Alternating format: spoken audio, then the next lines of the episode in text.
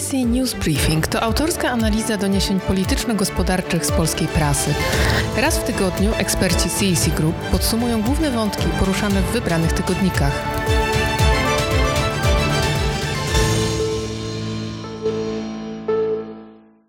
Dzień dobry, z tej strony Marek Kotlarski, CEC Group. Witam na kolejnej mm, prasówce tygodników. Jak można się spodziewać, wszystkie tygodniki zdominował jeden temat wojna na Ukrainie. Ukraina walczy. Sytuacja zmienia się bardzo szybko. Dziś po trzeciej nad ranem Rosjanie przejęli kontrolę nad pierwszym dużym ukraińskim miastem, 300-tysięcznym Chersoniem. Część tekstów dezaktualizuje się więc szybko, ale ważne są w nich również analizy ekspertów i wojskowych, którzy przewidują dalszy rozwój wypadków. W tygodniku Newsweek tematem okładkowym oczywiście Ukraina.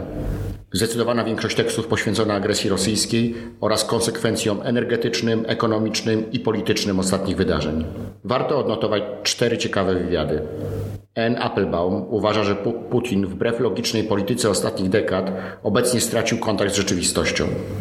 Uważa, że sankcje to za mało i apeluje o wsparcie militarne ze strony Zachodu. Chwali też politykę Bidena, który od miesięcy dozbraja Ukrainę, ale krytykuje administrację Trumpa i co ciekawe również Obamy. Dostrzega zmianę polityki Niemiec i uważa, że kraj zerwie swoje relacje ekonomiczne i energetyczne z Rosją na dobre. Szwedzki politolog Ander Aslund snuje wizję dalszej ekspansji Rosji. Apeluje więc o radykalne kroki Zachodu. Uważa, że przyjęcie w przeszłości Ukrainy i Gruzji do NATO powstrzymałoby już dawno Putina. Dwa wywiady z pisarzami, Rosjaninem i Ukraińcem, nie nastrajają pozytywnie. Ukraiński pisarz Jurij Andruchowicz mówi, że Ukraina czuje się jak Polska w 1939 roku. Podkreślić jednak należy, że wywiad przeprowadzono przed większością działań Zachodu. Jest pesymistą. Uważa, że ekspansja Putina będzie postępować.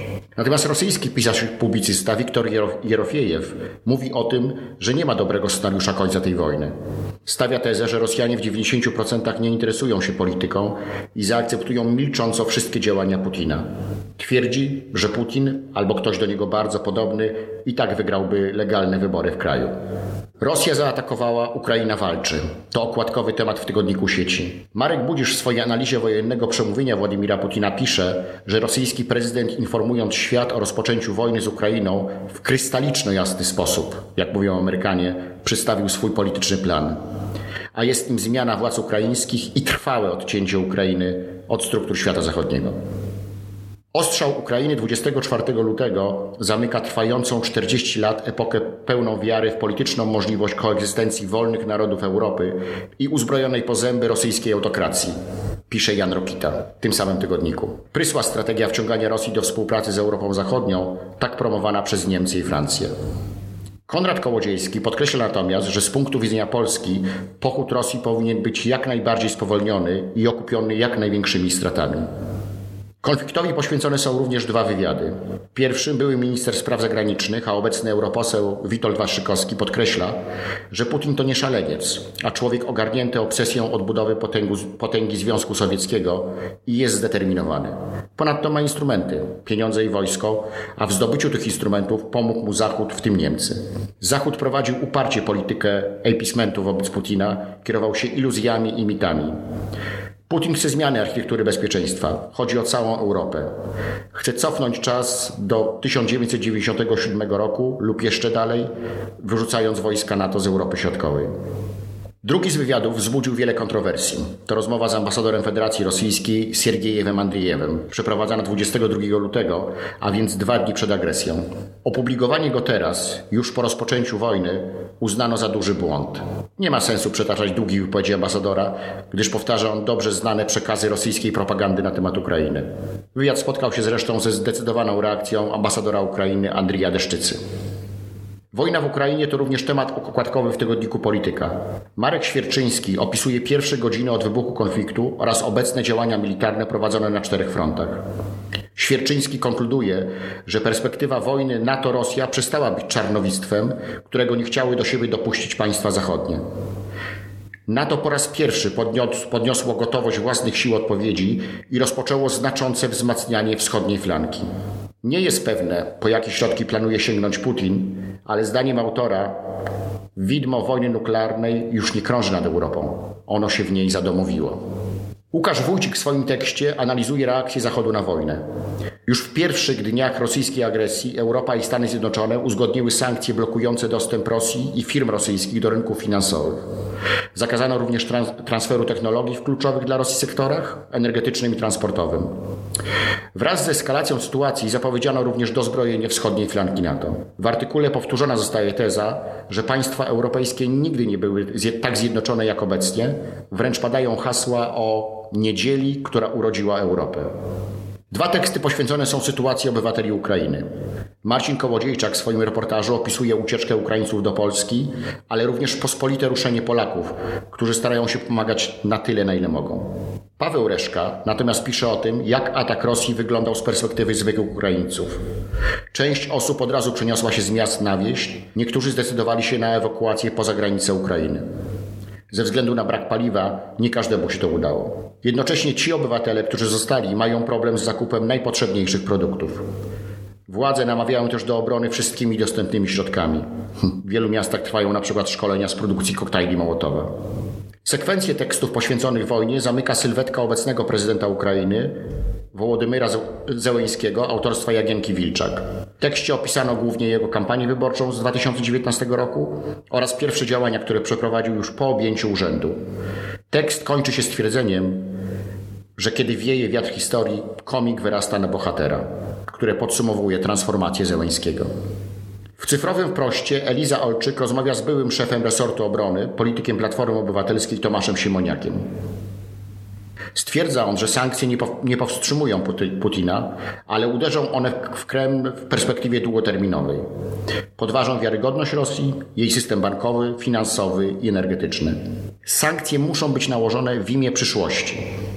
Jeżeli odpowiednie kroki nie zostaną podjęte teraz, to Rosja za 5, 10 czy 15 lat może zaatakować któreś z granicznych państw NATO. Dlatego trzeba reagować i instalować elementy twardej siły w Polsce. Zachód może udzielać pomocy wojskowej Ukrainie, ale musi stosować również presję polityczną na Rosję. Musi pokazać, że jest w stanie reagować na takie sytuacje, czyli rozmieszczać nadal dodatkowe znaczące siły w Polsce, Rumunii czy w krajach bałtyckich. Granica NATO musi być przygotowana. Amerykanie natomiast muszą wrócić do roli gwaranta bezpieczeństwa europejskiego, bo tylko oni są w stanie równoważyć agresywny potencjał Rosji. Państwa Zachodu również przecież dysponują bronią jądrową, nie powinny więc ulec szantażowi Putina. Ten ostatni źle ocenił sytuację. Nie sądził, że dla Zachodu sprawa Ukrainy będzie tak istotnym tematem. Polska musi być dzisiaj z NATO i Unią Europejską i równocześnie musi być również skutecznym ambasadorem interesów Ukrainy. Powinniśmy pomagać uchodźcom oraz budować skuteczną zdolność obrony w ramach NATO. W Tygodniku Powszechnym czytamy, że wojna na, w Ukrainie to największy test dla Europy od II wojny światowej. Waży się przyszłość porządku międzynarodowego. Kluczowe znaczenie ma również postawa rosyjskiego społeczeństwa i elit władzy. Wojna pogorszy nastroje tych elit, odczują sankcje, natomiast testem społecznym będą demonstracje antywojenne w Rosji. W tygodniku do rzeczy wojna jest również tematem tygodnia.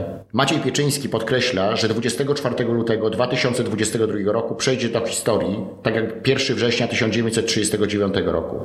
Chociaż jak twierdzi prezydent Zełęński, w tej sytuacji bliższe jest porównanie do agresji III Rzeszy na Związek Sowiecki. Tekst opisuje, w jaki sposób prowadzona jest ofensywa Rosji, a także podkreśla fakt, że celem ataków jest jak najszybsze zajęcie Kijowa. Putin ogłaszając uznanie niepodległości tzw. Ługańskiej i Donieckiej Republik Ludowych nie spodziewał się tak silnej reakcji prezydenta Ukrainy oraz Zachodu.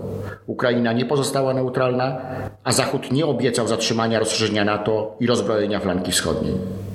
Przed agresją na Ukrainę protestowali oficerowie rosyjscy. Spodziewali się konsekwencji. Agresję Putin uzasadniał tym, że Rosja została zmuszona do ataku w obronie własnej.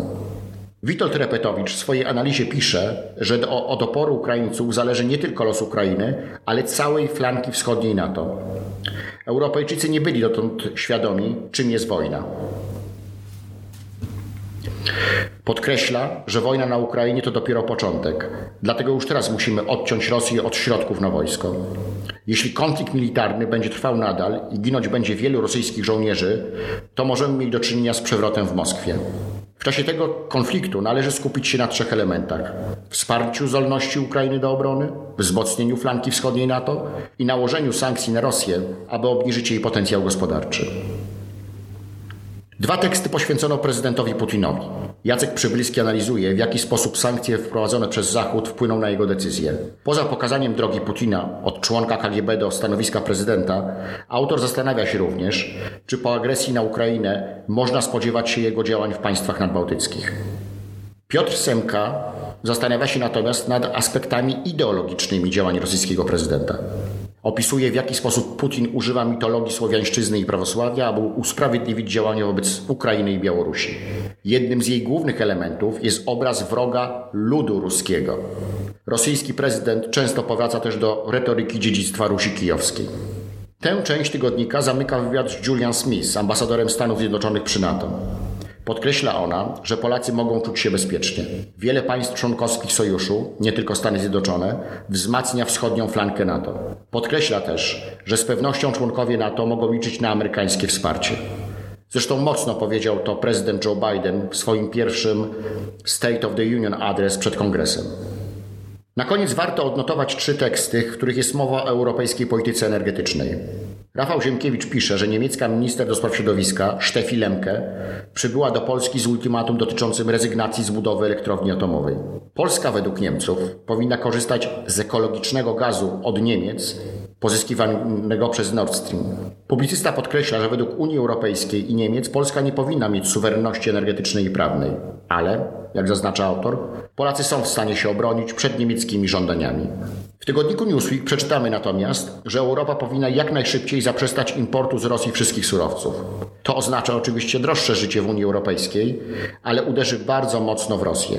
Jest to wykonalne, potrzeba tylko determinacji. W tygodniku do rzeczy znajdziemy wywiad z ministrem rozwoju i technologii Piotrem Nowakiem, w którym podkreśla on, że Polska nie neguje kierunku ani potrzeby transformacji energetycznej. Martwi nas jedynie tempo zmian przy Fit for 55. Dodaje też, że nie słyszał dotąd o żadnym inwestorze zagranicznym, który by twierdził, że z powodów tzw. Tak praworządności został w naszym kraju skrzywdzony. Dziękuję Państwu bardzo i do usłyszenia za tydzień. Dziękujemy i zapraszamy na kolejny odcinek już za tydzień. Zachęcamy do obserwowania CEC Group na Twitterze.